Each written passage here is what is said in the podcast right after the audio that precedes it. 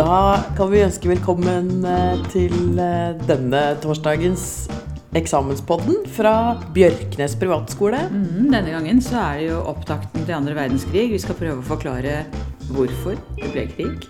Ja. Ja. Først så tenkte jeg at vi skulle starte med de utløsende årsakene til krigen. For at vi skal ha klart for oss hva vi skal forklare, så må vi gjøre litt rede for akkurat det.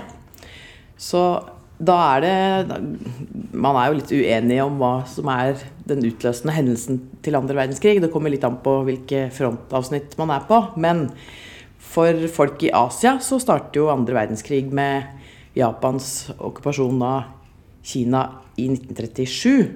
Da har de jo egentlig vært til stede fra, i Manchuria fra 1931. Så altså Men- langt tidligere enn det vi tenker på som andre verdenskrig Ja. i Europa. Ja. Ja. Ehm, den konflikten mellom Japan og Kina, den eh, forblir jo ganske sånn begrensa mellom de to statene. Men så kommer vi til Europa og utbruddet av andre verdenskrig i Europa. Når eh, Hitler angriper Polen i begynnelsen av september 1939. Og det er jo da europeere regner at andre verdenskrig starter.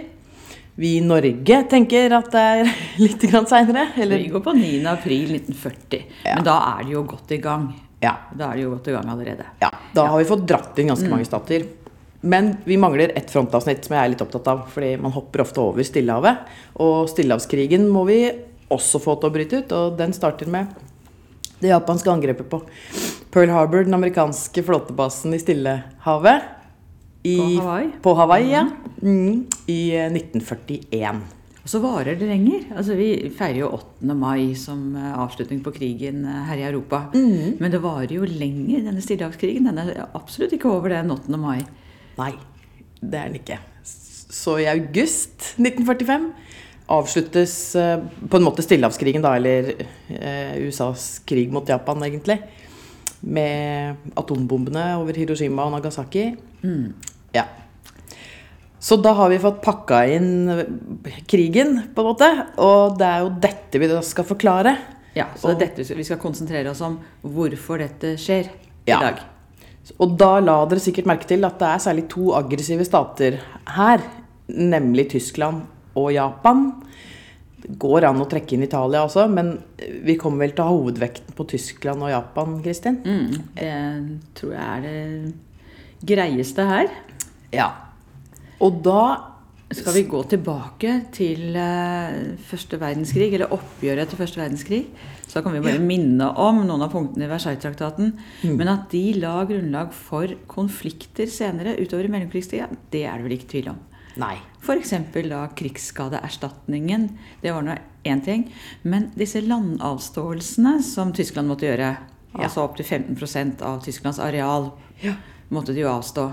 Det kommer jo til å bli et veldig viktig propagandapunkt eh, for Hitler senere. Ja.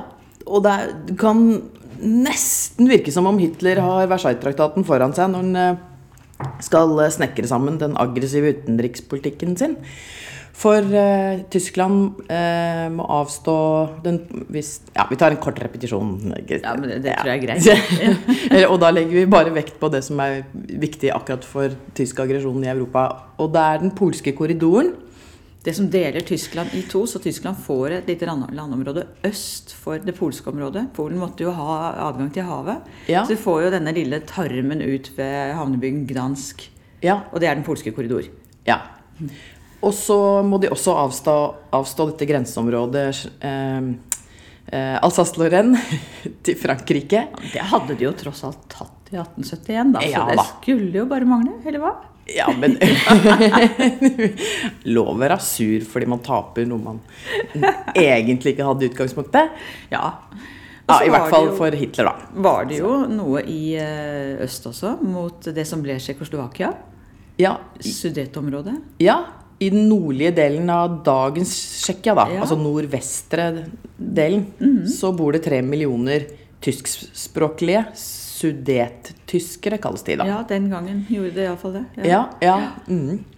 Så alle disse menneskene tenker Hitler at han skal ha hjem til Tyskland. Det vil si, de, Han vil ikke at de skal flytte hjem til det daværende Tyskland. Nei. Han vil bare at Tyskland skal få tilbake disse områdene. Ja. Slik at disse kan bo innenfor Tysklands grenser. Men han har vel en annen tanke rundt det også, nemlig å skaffe tyske bønder jord. For dette handler jo litt om ressurser. Ja. Så i dette Ja, hva skal jeg kalle det? Den, denne teorien hans da, om eh, tysk ekspansjon, eh, som han kaller Lebensraum Albuerom, kanskje, på norsk? Ja, ja. Ja, noe sånt noe. Eh, så har han en eh, idé om at han skal ta tilbake de eh, tapte områdene. Eh, og at det er et spørsmål om å leve eller dø. Ligger jo i bånn av Lebensraum. Han må ekspandere eh, og skaffe mer jord for matproduksjon fordi den tyske befolkningen vokser. Og dermed eh, kommer de altså enten til å sulte i hjel eller få hungerskatastrofer eh, hvis de ikke klarer å ekspandere. Ja. Så det er vel Da har vi Det er jo én ting, på en måte, det er veldig konkrete rundt eh, Lebensraum og tap Ja. territorier. Men så er det jo generelt en enorm misnøye Ja, i altså, Tyskland. Det litt mindre konkrete, men ikke mindre viktige, er jo skyldspørsmålet. Altså Ja. det, At Tyskland fikk skylda for første verdenskrig. Det hvilte jo tungt på tyskerne. Og som vi har snakket om før, at eh, altså, tyskere som sliter og strever opp gjennom 1920-årene, stadig tilbakeslag, hyperinflasjon. Endelig så øyner de en uh, mulighet for en bedre framtid, og så kommer den økonomiske verdenskrisen. Og så skal de slite med skylds- skyldtyngden oppå det igjen. Og da er det jo lett for uh, en som Hitler å spille på den misnøyen. Ja, det er det. Han trenger bare Han nevner jo Når han holder taler, så nevner han vel Versailles og jødene, da, i annenhver setning omtrent. Og så Ja, Bare for å plassere det. Her har vi noen som kan bære skylden. Det er der den hører hjemme. Ja. Eh, Så det var Tyskland, altså. Tysk, og Tyskland får jo heller ikke være med i det gode selskap. De får ikke Altså internasjonalt, da. De får ikke være med i Folkeforbundet før i 1926. Eh, Og det er jo denne forsoningsperioden Ja. eh, hvor de begynner å bli venner igjen i Europa. Ja. Hvor man endrer holdning til Tyskland. At Ja. man eh, revurderer den harde holdninga i Versailles og tenker at eh, Tyskland kanskje ble litt eh, håndtert litt hardt eh, i Versailles. Og også i kjølvann av det kaoset som oppsto i Tyskland etter første verdenskrig, så tenker vestmaktene, særlig Storbritannia og Frankrike, at eh, Tyskland nok kanskje kunne trenge en utstrakt hånd. Men så, så blir jo da den store økonomiske krisen en avgjørende faktor her. Ja. For den slår jo beina under all denne optimismen og blir jo, eller forsterker jo selvfølgelig de ekstreme politiske retningene. For hvis vi ser på statistikk, så har jo eh, NSDAP, Hitlers parti, hatt relativt lav oppslutning ved valg. Jeg tror i, Ved valget i 1928 fikk de 2,6% av stemmene. Det var jo ikke så mye. Det var ikke mye. Så er det valget i 1930. Da har krisen slått til. Da er de oppe i 18,3% altså to år etter. Og Ja. det stiger jo ytterligere til valget 32. Eh, Da er det to valg, riktignok, men i første valget der er de oppe i 37,1 av stemmene. Ja. Så det sier jo hvor mye dette med misnøye, økonomisk nedtur, fortvilelse over situasjonen, hvor nøye det henger sammen med våre politiske valg. altså. Det gjør det. Og det er jo viktig for å få eh, en, denne aggressive diktatoren til makta, altså Ja. Hitler, i Tyskland. Og så vi tok jo detaljene rundt eh, Hitlers maktovertakelse. Så da kan vi bare slå fast at Hitler kommer til makta. Eh, Han har allerede utvikla en aggressiv utenrikspolitikk. Ikke alle detaljene i den, men at det ligger en sånn aggressiv ambisjon i, eh, altså i Mein Kampf, for eksempel. Det er helt åpenbart. Han skriver jo om Lebensraum bl.a. i Mein Ja. Så det er jo denne aggressive utenrikspolitikken vi må konsentrere oss om nå. Ja, det må vi. Og da eh, Jeg pleier å si at eh, det går an nesten å bare ta fram Versailles-traktatens bestemmelser om Tyskland. Og så Du tenker at du- skal så- Ja, så- og så bare tar du og tikker av, liksom. Eller stryker ut, da. Punkt for punkt. Eh, Hitler bryter vel så godt som alle bestemmelsene eh, Tyskland har forplikta seg til å overholde i Versailles-traktaten. Så eh, nå, det, Skal vi ta det litt sånn Ja, nå, nå ble jo raskt? denne krigsskadeerstatningen den ble strøket allerede i 1932, og det var pga. av krisen. Men Ja. så går han jo videre. Han melder jo Tyskland ut av Folkeforbundet ganske raskt etter han selv kom til makten. Ja. Så da kan vi stryke Folkeforbundet. Ja, ut med det. Ja. Eh, så starter han umiddelbart opprustning av flyvåpen og marine. Han eh, gjør om 100 000 Den eh, den soldater i, Sikkerhetsstyrken, eller hva de kalte den. ja, i den tyske hæren til offiserer. Og så innfører han allmenn verneplikt. Og da har han hær, snart flyvåpen, snart marine. Men det, det trenger han jo. Han trenger jo å ruste opp, og han trenger tid.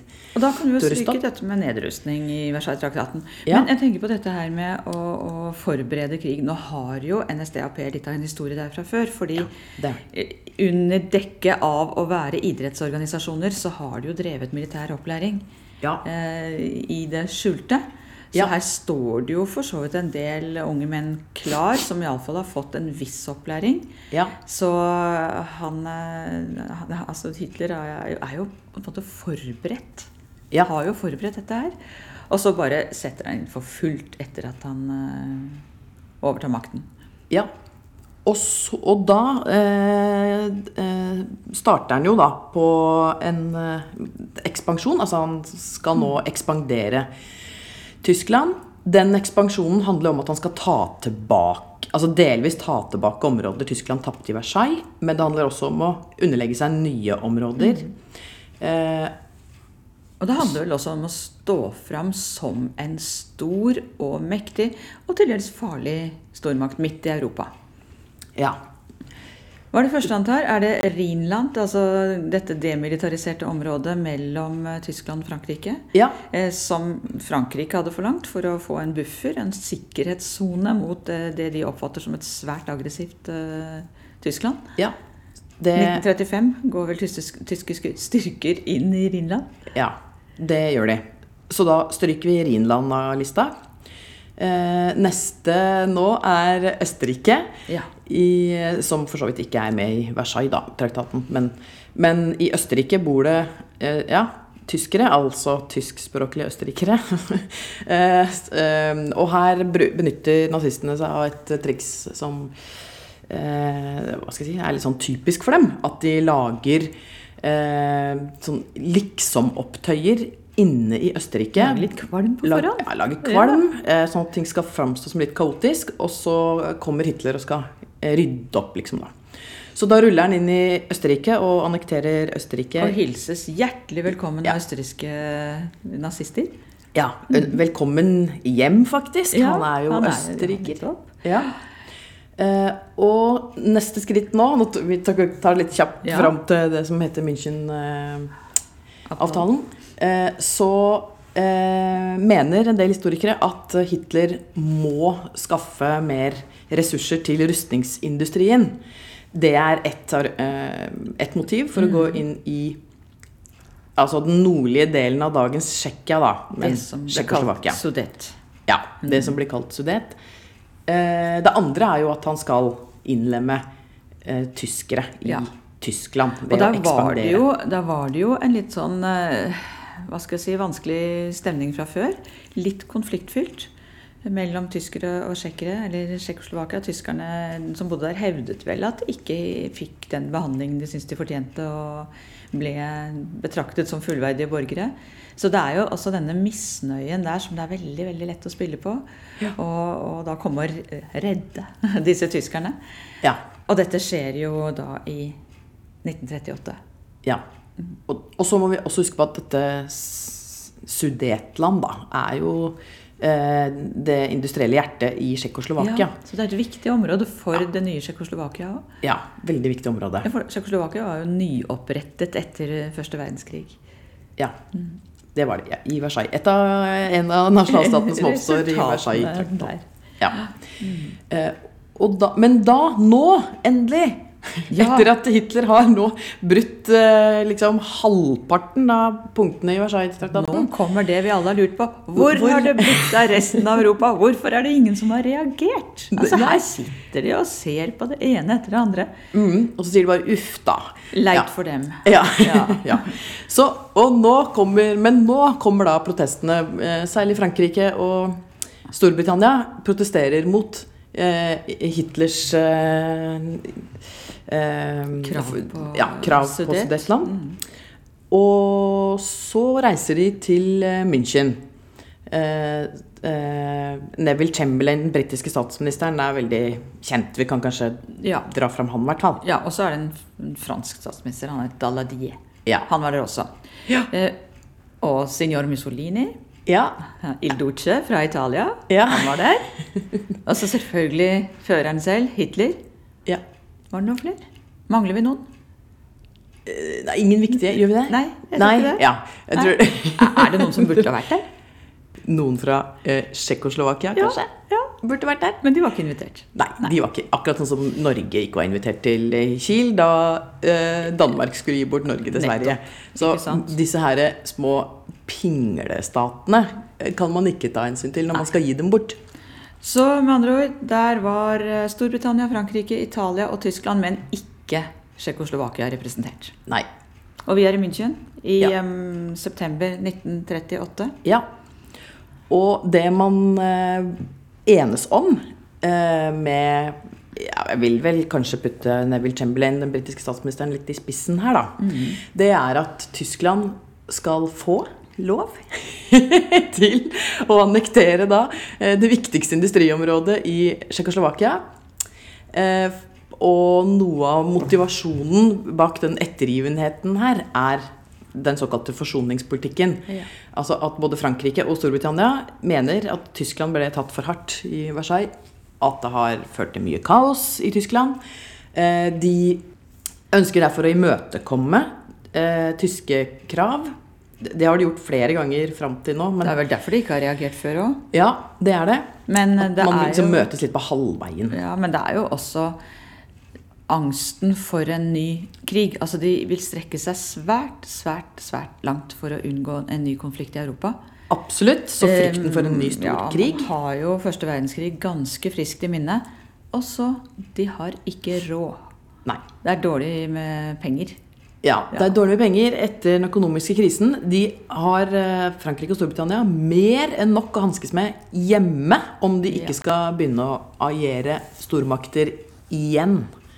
Så dette er forsoningspolitikken. Altså at eh, de stormaktene som pleide å gripe inn på 1800-tallet f.eks. eksempel og avgjøre konflikter, de gjør det ikke. Dette er fravær av makt, Ja. anarki internasjonalt, Men um, som gir rom for aggressive diktatorer. vi har jo en stor makt i øst også, da. Ja, Hvor er den? den Hvor er hjemme. hvor, den er hjemme. Stalin sitter hjemme. Men Stalin tolker jo det som foregår i München. Ja, Og han mener vel det at der solgte Chamberlain og de andre gutta fra vest Øst-Europa, Sentral-Europa og for så vidt Sovjet til Hitler. ja. Jeg bare, tar, jeg bare tar tre aktører jeg, som kunne ha grepet inn utover Storbritannia og Frankrike. For altså, I eh, Sovjetunionen så har man kjørt en politikk, sosialisme, i ett land. Altså isolasjonistisk fokus på innenrikspolitikk. I USA eh, har isolasjonistene vunnet. Og USA gidder ikke å gripe inn internasjonalt. De skal ha fokus på innenrikspolitikk. Og så kunne Folkeforbundet ha gripet inn, men de nøyer seg som vanlig med å protestere Men, eh, og si uff da. På dette tidspunktet så vet vi også at Folkeforbundet ikke har noe som helst makt Nei. å sette bak eh, sine krav. Det har man jo erfart bl.a. i 1935, da Italia okkuperte Etiopia. Ja. Så i det internasjonale systemet så er det Så hersker nå anarkiet. Altså det er ingen som går inn og rydder opp. Eh, Det er litt interessant å se på at USA ofte blir kritisert for å være verdenspoliti. Eh, Det går an å se på mellomkrigstida og se hvordan det går eh, hvis ingen er verdenspoliti. Kan, det kan gi rom for aggressive diktatorer som Hitler, da. Ja. Så, og hvor var vi kommet nå, Nå Kristin? Nå har vi fremdeles i München, for hva Ja, er det? Altså, det er jo en, et berømt bilde som er tatt da Chamberlain kom hjem fra München. Ja. Hvor han står på Heathrow, kom, han har kommet ut av flyet, og så vifter han med en papirlapp, og så og sier han noen ord til de frammøtte journalistene og hvem det ellers måtte være der, og sier at nå har han sikret 'peace in our time'. Ja. Hvordan og så sier kom Churchill dette til? Og så sier Churchill at han er a sheep in sheep's clothing. Ja. Sau. Ingen ulv i fåreklær, men en sau i på saueklær. Ja, han eh, ser dum ut, og han er dum. Men, Stakkars men dette her, denne avtalen, fordi det han kommer hjem med, er en, en avtale, eller en slags eh, overenskomst da, med Hitler, som de har undertegnet. Ja. Han, ville, han ville jo helst ha Hitler til å skrive under på noe. Ja, For da mente han at da var han trygg. ja. Så Hitler har skrevet under på at hvis han bare får Sudetland, så skal han ikke eh, ekspandere mer. Da skal Lover han kors på halsen. Ikke gå vestover. Han skal ikke ta noe mer. Nei, Nå har han fått sitt. Ja. Og det, tror, det er det Churchill eh, da anklager Chamberlain for. At han er veldig naiv, da. Ja. Og tror at det går an å forhandle med Hitler. Eh, også, men også fordi det var det vi begynte på, Kristin. Det var? Stalin, og hvordan han oppfatta München-forliket. Ja. han, opp, han, altså Stalin, og var ikke- fornøyd, han heller. Nei, og, og tsjekkoslovakerne må vi ikke glemme her. Nei. De opplever jo at de, blir de er blitt ofra på Ja, eh, fredsalteret til Vesten her. Ja. Og at eh, de vestmaktene gir eh, Hitler fritt leide østover. Ja. Mm. Og det er jo i tråd med det, det synet Stalin har òg. Ja. At det er, eh, det er liksom vestmaktenes unnfallenhet som råder her. ja. Så nå starter en hendelsesrekke som fører fram til krigsutbruddet i september 39. Så nå begynner det å rulle. Altså Ja. Nå er det nesten sånn at du ikke kan unngå det som kommer. Nei, nå, nå blir det vanskeligere i hvert fall å Mm. skru klokka tilbake. Ja. For altså, Tsjekkoslovakia kommer jo til å være i eh, sentrum videre. Mhm. For han nøyer seg jo ikke med Sudetområdet. Churchill hadde jo rett. ja. Det går et halvt år. Mars 1939. Så går han jo inn i resten av Tsjekkoslovakia. Ja. Deler eh, landet. Eh, Tsjekkia forblir vel okkupert, mens eh, Slovakia får en sånn slags nazistisk marionetteregjering. Mm. Og blir da, eller danser etter Hitlers pipe. ja. Slutt på Tsjekkoslovakia, Ja. og da får Chamberlain eh, ja, da, da, da får han ikke, holdt jeg på å si, det gjør han sikkert ikke, men da, Jeg får helt sikkert ikke stappar. Altså, ja, da, da røyner det på, altså. Så nå skjønner også Chamberlain at dette går gærne veien. Ja. Så britene har ikke tenkt å la Hitler få rulle videre østover. Nei, men, Men- de liksom er litt, litt sent ute nå. Ja, de er litt seint ute. Husk, Hitler har nå fått uh, lov til å ruste opp i ro og fred Ja. i en god del år. Ingen har stoppet ham. Ingen har stoppet, stoppet eh, aggresjonen. Og ja, nå begynner Hitler og Tyskland å bli en ganske fryktinngytende militær stormakt. stormakt. Eh, men bare sånn i mellomtida, i mellomtiden et annet sted, har Stalin forsøkt eh, å få i stand en avtale med de allierte, faktisk. Men det har stranda. Ja. Stalin frykter jo eh, med god grunn at Hitler skal eh, gå på Sovjetunionen. Og så må jeg bare nevne at eh, Stalin jo også har drevet med utrenskninger. Samtidig som dette skjer, så har han jo utrenska nesten hele offiserskorpset i Den røde armé. Så han trenger rett og slett litt tid på å utdanne nye offiserer han, før Ja. han kan ta imot eh, eventuelle, Det gjør han. eventuelle angrep fra vest. Yes. Så det er vel også noe av bakgrunnen for at han rekker ut en hånd til vestmaktene. Ja. Så jeg, skal ikke vi nå gå sammen mot han der eh, Hitler i Tyskland? Ja. Men der viser kommunistfrykten seg for å være større enn eh, mye annet, altså. ja. Så det, det strander, det forsøket på å få i gang en avtale med de ja, vestallierte. Ja. Og dermed så skjer en av 1900-tallets største overraskelser, eh, vil jeg si. Altså, det må ha vært eh, å si, nesten bokstavelig talt en bombe. Det var jo ikke det, for det var jo en avtale. Det var det. Men, men den kom eh, overraskende for hele Europa, tror jeg. Ja. I, I august 1939 så har eh, Stalin og Hitler inngått en ikke-angrepsavtale. Den heter Molotov-Ribbentrop-avtalen etter henholdsvis den eh, sovjetiske og den tyske utenriksministeren. Ja, Den avtalen går ut på i all offentlighet at eh, Sovjetunionen at det er en ikke-angrepsavtale mellom Sovjetunionen og Tyskland. Men i all hemmelighet, i en hemmelig protokoll, så står det helt andre ting. Ja. Nemlig at Polen skal deles mellom Sovjetunionen og Tyskland. Altså at Hitler skal få fritt leide i den polske korridoren. Og at Finland skal tilhøre det sovjetiske interesseområdet. Yes. Og dermed, ganske raskt etter Blekket er ikke tørt engang på Molotov-Ribbentrop-avtalen. 23.8.1939 ble den eh, inngått. Ja. Jeg har kanskje rekt å tørke, da. Det blekket er ikke sted. Ah, du skulle de brukte veldig tjukt blekk på den tiden. Ja. Veldig tjukt blekk. Ehm, så ja, ganske raskt altså, etter at denne avtalen er i boks, eh, og tyskerne slipper å frykte Sovjetunionen, og Sovjetunionen slipper å frykte Tyskland, så angriper Hitler Polen. 1.9. Ja. samme år, 1939. Yes. Men du, jeg har jo sett på eh, dokumentarer at eh, det var tyske soldater som eh, provoserte langs grensen, kledde seg i polske uniformer. Og Hitler hevdet da at dette angrepet på Polen egentlig var et slags selvforsvar. Ja. I kjent stil, vil jeg si. ja. Eh, sånn hemmelig Eller fordekte operasjoner, heter det Mm. vel kanskje. For å eh, illudere at noe som egentlig ikke har skjedd, Mm. skjer. Men nå har jo vestmaktene skjønt at dette er alvor. De har jo, Både Frankrike og Storbritannia har vel inngått en avtale bl.a. med Polen om hjelp i tilfelle en aggressiv nabo Ja. skulle komme. Ja. Og det fører jo til den eh, franske og britiske krigserklæringen 3.9. ja. Og da er andre verdenskrig i gang i Europa. Da er det i gang. Mm.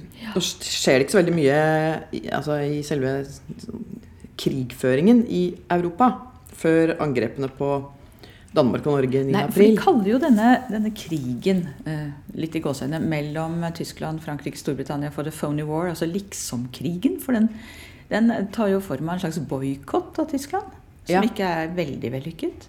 Nei. Så, så det skjer liksom ikke noe. Det er ikke noe action. Nei. Det hadde jo vært greit om alle kriger var sånn uten action, men eh, ja, ja. The phony war. Ja. the phony war. Men det har jo skjedd andre ting i Europa Ja. enn det vi har snakket om nå også. Kanskje vi skal bare nøste opp litt, grann, fordi i eh, 1935 så angrep jo Italia Etiopia. Folkeforbundet reagerer. Eh, De forsøker på en slags sånn diplomatisk isolasjon av Italia som straff. Og sanksjoner på hva du kan eksportere til Italia. Men det er ikke vellykket. Men det, det fører jo til en slags allianse. Altså, Mussolini og Hitler likte hverandre ikke. Kunne ikke tåle trynet på hverandre. Mussolini kalte vel Hitler for en uh, eh, Hva var det? Blikkenslager? Ja, og, og. Hitler syntes Mussolini var en jålebukk. Ikke noe no offence til, til blikkenslager, altså. Det er fornærmelse mot Ja, alle blikkenslagere. det er dårlig gjort. Men iallfall så fører det til at Berlin og Roma får bedre kontakt. Ja. Og så har vi et land i Asia som da har eh, noe på gang med Kina. Ja. Ja, Og som melder seg inn i dette selskapet. Ja. Så vi snakker jo da om Berlin-Roma-Tokyo-aksen etter hvert. ja. Og Japan. Skal vi Ja. ta litt om Japan, Ja, kanskje? du kan Bare? jo det. Nei. Eh, Japan eh, er i altså, litt, en litt lignende situasjon som Tyskland. Ikke helt. Japan overtar jo en del tyske kolonier i Versailles-traktaten. Um, eh, men er en stat som har industrialisert i løpet av, i løpet av eh, 1800-tallet. Eh, vant i den, mot Russland i den russisk-japanske krigen, som vi vel har nevnt tidligere. Kristin. Ikke sant? Høyst overraskende, iallfall Ja. for Russland. Ja, eh, De trenger ressurser til sin industri. Frykter å bli en annenrangs industrinasjon hvis de ikke sikrer seg ressurser. Og, og de må de skaffe annensteds fra, for ute på øya deres så har de ikke rett og slett de råvarene de trenger. Øya og øya også. Jeg tror det er noen tusen.